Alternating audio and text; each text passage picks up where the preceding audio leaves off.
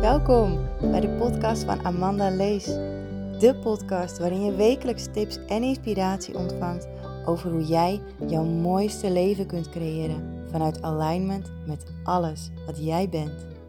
Hoe werken de Akasha-chronieken nu precies? Hoe pas je dit toe in je dagelijks leven? En hoe creëer je nou het droomleven waar jij intens naar verlangt? Ik vertel graag.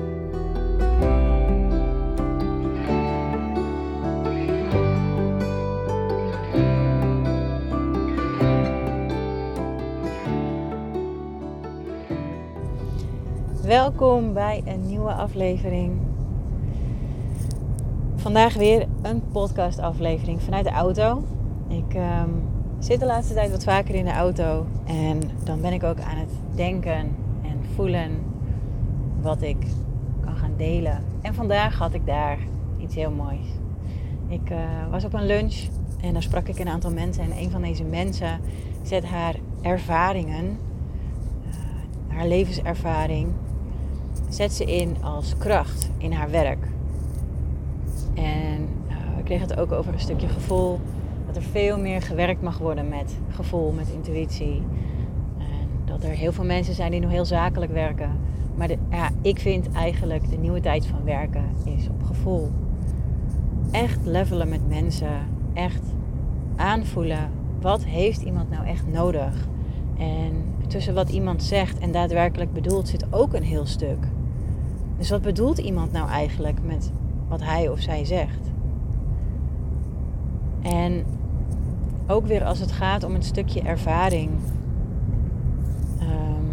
Ja, heb jij misschien wel eens gemerkt dat je zat met een probleem of een situatie en je wilde dat kwijt bij iemand, maar je voelde je gewoon totaal niet begrepen, omdat de ander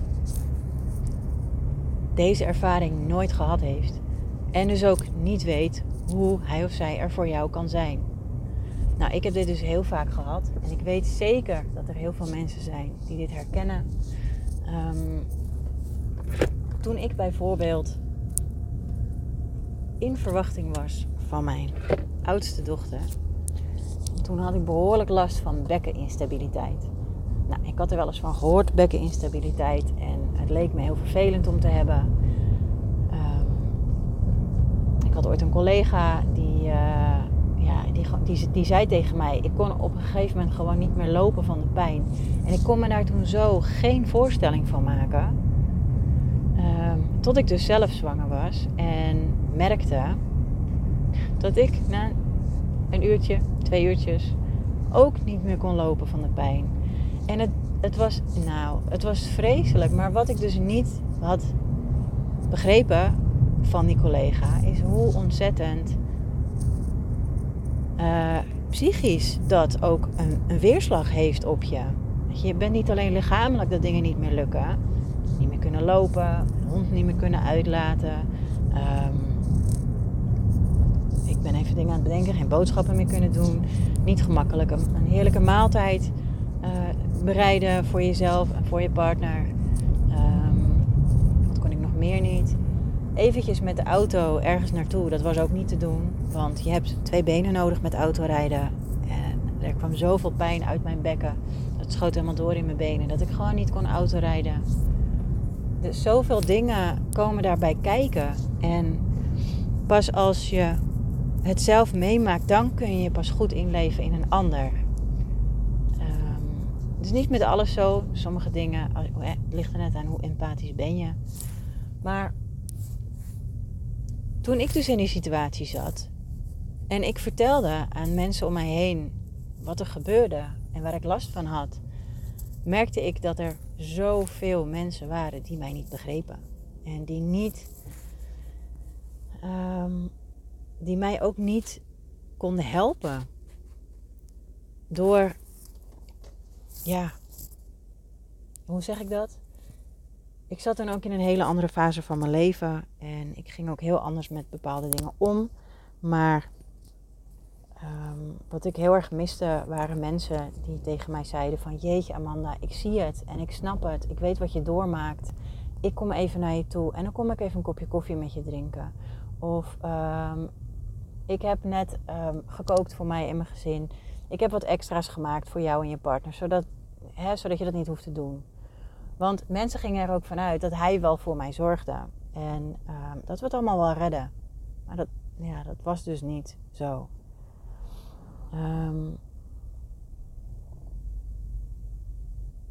Dus even terugkomend op het stukje ervaring. Pas als je echt iets ervaren hebt, dan weet je wat een ander echt, echt, echt doormaakt. En alles wat daarbij komt kijken. Natuurlijk heeft ook iedereen een eigen manier om ergens mee om te gaan. Iedereen heeft een eigen copingmechanisme, zo heet dat dan. Ehm, hoe je leert om om te gaan met bepaalde dingen. Maar in een bepaalde situatie heb je ook een manier om om te gaan met, ehm, met jezelf en met de mensen om je heen. Wat vertel je tegen jezelf? Wat vertel je tegen de mensen om je heen?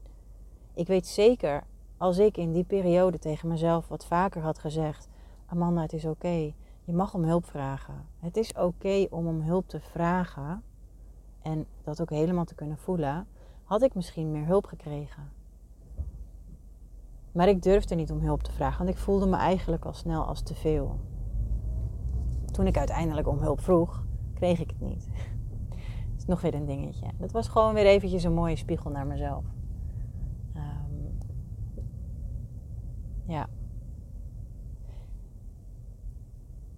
Eigenlijk, ik ben dan, dan, dan zie ik bepaalde situaties hier voor me en dan ga ik bedenken van nee, ik, ben, ik zat toen echt wel in een hele andere fase van mijn leven. Ik voelde me toen ook veel meer een, um, ja, misschien ook wel een slachtoffer van het leven zelf.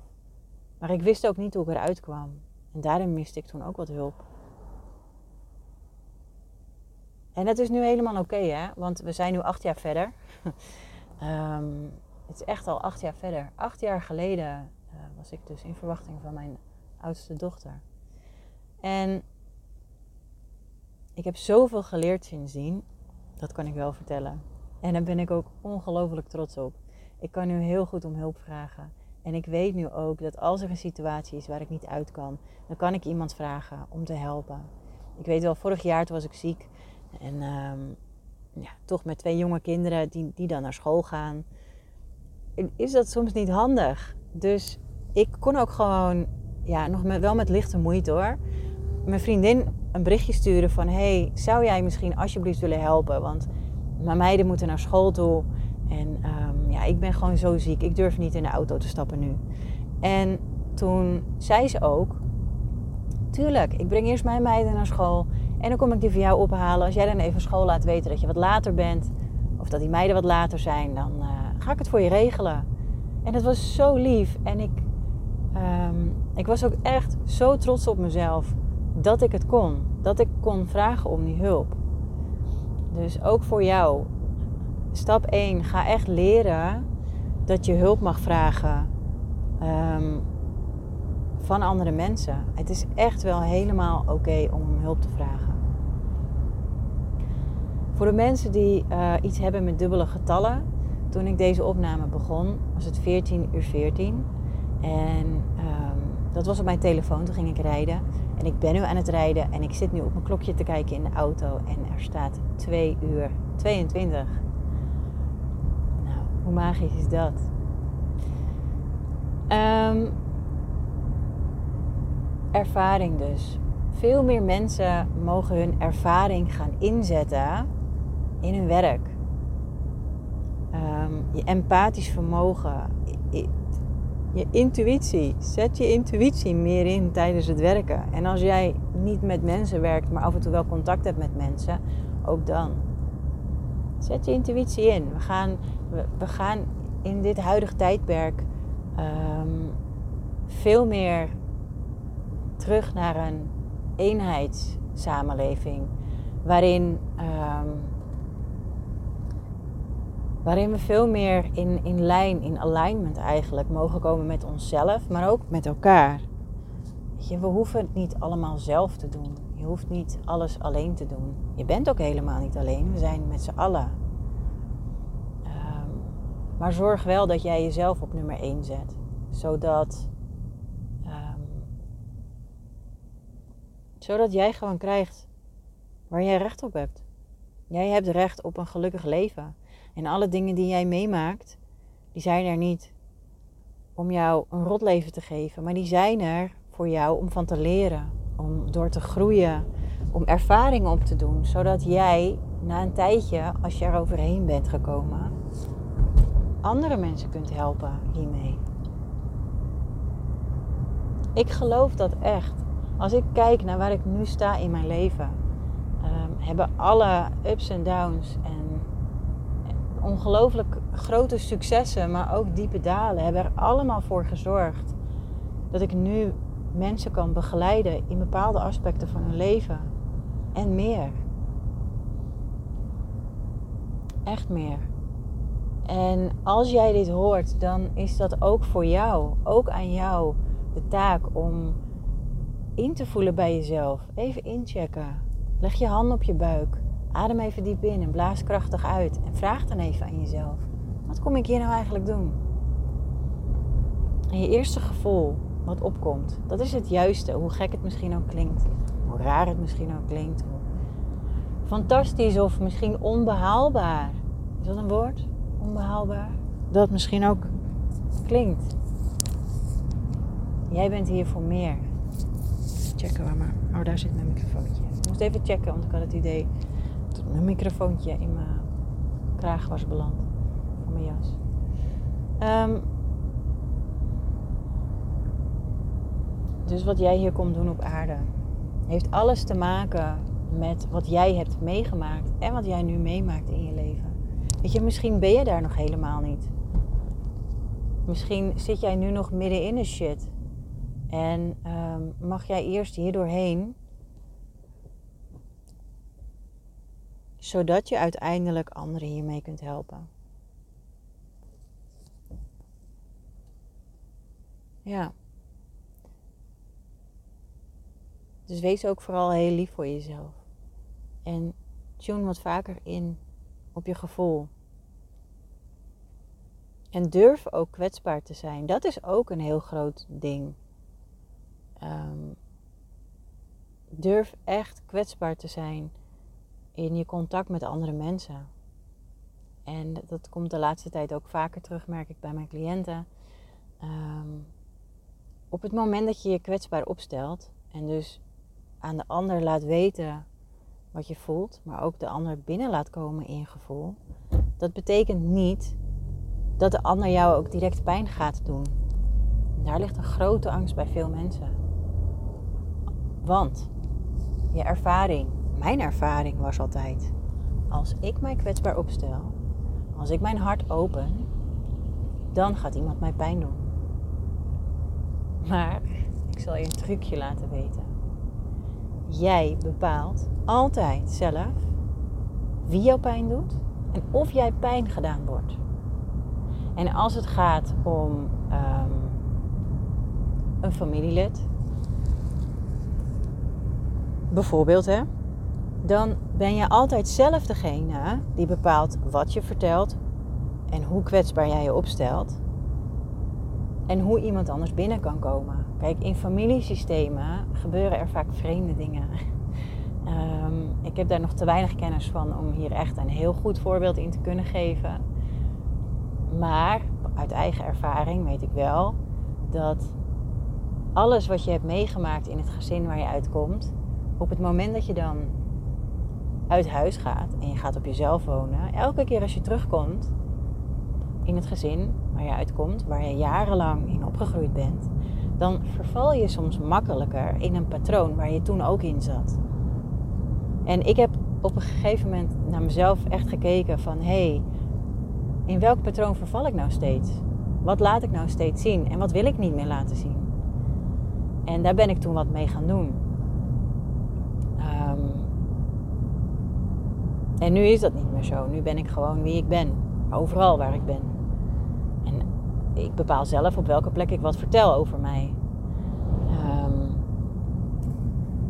maar bij veel mensen zie je dat als ze dan terugkomen in een ouderlijk huis of hè, bij ouders of het gezin van herkomst, zoiets. Waar je bent opgegroeid jarenlang.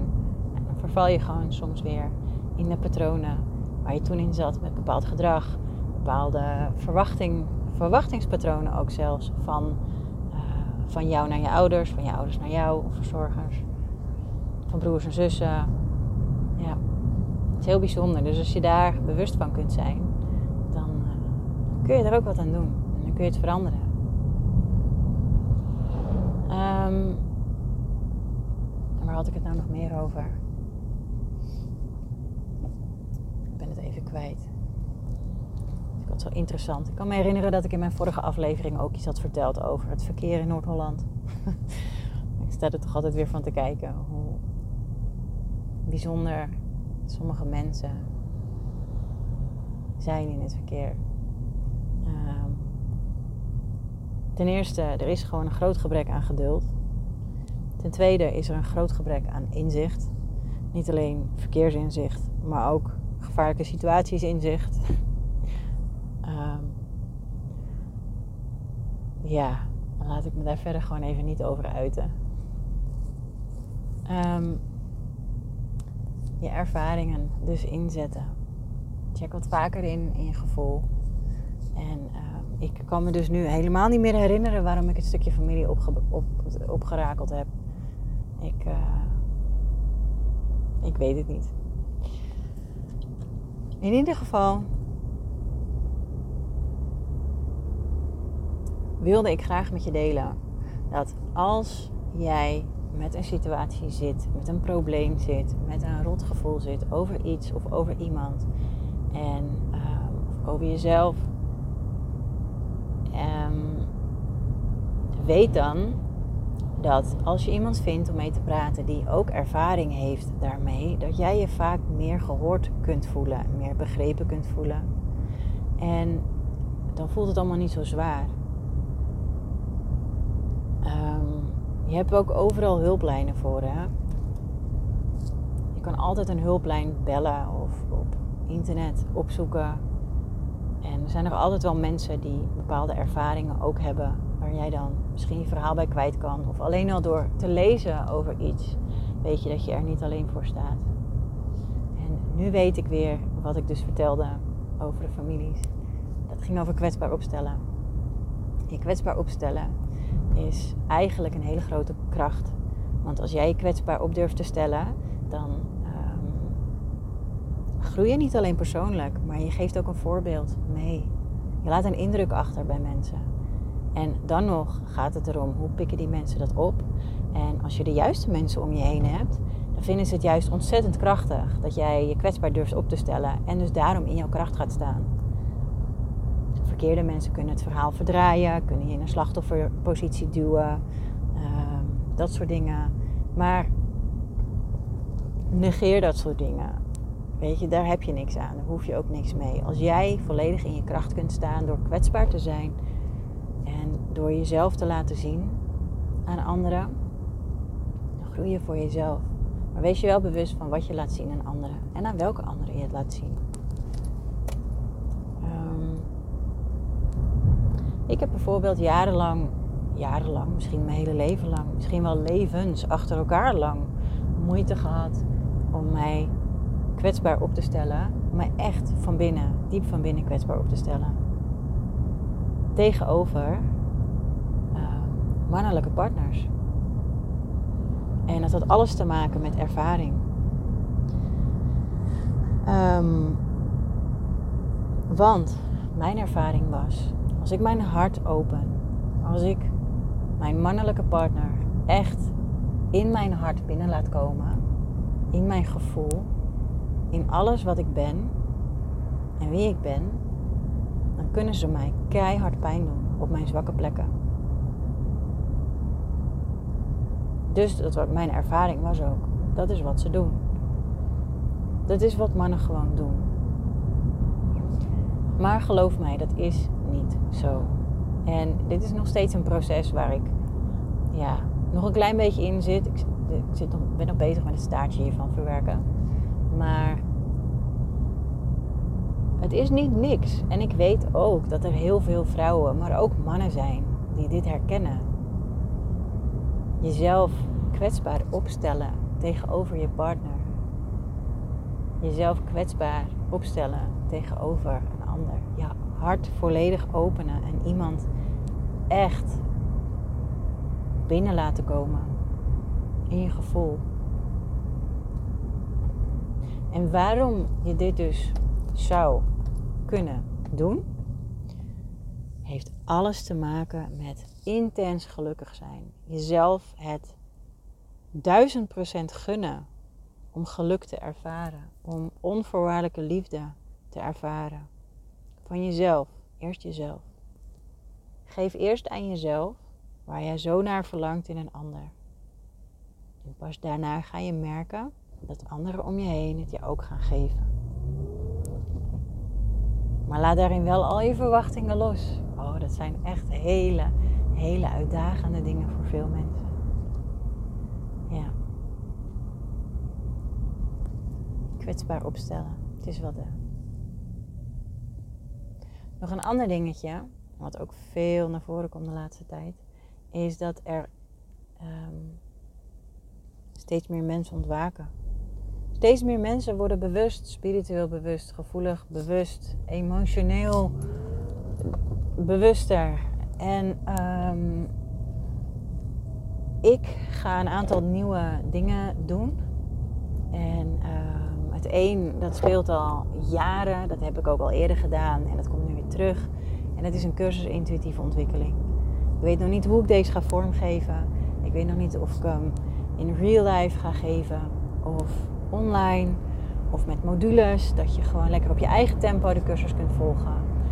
Um, maar dit is een van de dingen die er binnenkort aan zitten te komen. Uh, dat heb ik eerder gedaan. Het is voor mij dagelijkse koek. En ik gun iedereen het om meer in verbinding te staan met zijn of haar intuïtie. Je onderbuikgevoel, maar ook met je zesde zintuig. Ook het aanvoelen van anderen. Het aanvoelen van dat er meer is tussen hemel en aarde. Maar hoe doe je dat nou? En hoe weet je nou of het van jou is of van een ander? Hoe weet je nou of je egootje niet allemaal dingen aan het vertellen is tegen je? Of dat je daadwerkelijk dingen aan het aanvoelen bent? Dat ga ik je allemaal leren in die cursus. Um, daarnaast, wat ik daarnaast nou? Daarnaast ga ik maandelijks een healing geven op afstand. En dat heeft ook alles te maken met de nieuwe tijd waar we nu in zitten lastige dingen die voor veel mensen momenteel gebeuren. Ontwikkelingssprongen, maar ook ja, hoe heerlijk is het als jij gewoon een uurtje lekker kunt gaan liggen. Je ontvangt een healing of een clearing en een healing op afstand. En daarna is er weer ruimte voor mooie ervaringen. En ik heb deze vraag namelijk gesteld in een van mijn groepen. En ik heb gezien dat er best wel veel vraag naar is. Of in ieder geval genoeg vraag om daadwerkelijk de healing te gaan inzetten. Hierbij ga ik ook gebruik maken van uh, de Akasha Chronica. Ik ga dan voor jou, voor iedereen die meedoet met de healing, ga ik je eigen Akasha Chronica aanzetten om daadwerkelijk de healing te kunnen ontvangen, zodat jij precies ontvangt wat goed is voor jou. En precies de juiste dosering van de healing. Zodat je nooit te weinig of te veel ontvangt. En daarnaast zal ik ook nog een aantal andere krachten inzetten die ik vaak gebruik tijdens healings. Zoals um, energie van draken, elfen, engelen en zo. Ik werk ook graag met de gouden energie vanuit de bron, die super helend is. En um, ik laat me leiden met EI. dat was hem. Dat was mijn nieuwste aflevering. Wederom vanuit de auto. Dus mocht jij mij nog niet volgen, op social media. Zoek me op. Amanda Intuïtieve Coaching. Of Amanda Lees Intuïtieve Coaching. En je vindt mij op Spotify, iTunes en Soundcloud en YouTube. Facebook en Instagram. en ik zit ook op Telegram. Nou, dat was weer een heel verhaal. Ik zie je graag terug in mijn nieuwste aflevering. En als je vragen hebt of ideeën, laat het me dan weten. En bedankt voor het luisteren. Vanuit het diepst van mijn hart wil ik jou bedanken voor het luisteren. Ik hoop dat deze aflevering jouw inzichten en inspiratie heeft gegeven. Mocht dat zo zijn, zou ik het echt fantastisch vinden als je deze deelt met anderen. Ik kijk er naar uit om te verbinden met jou. Heel veel liefs, Amanda.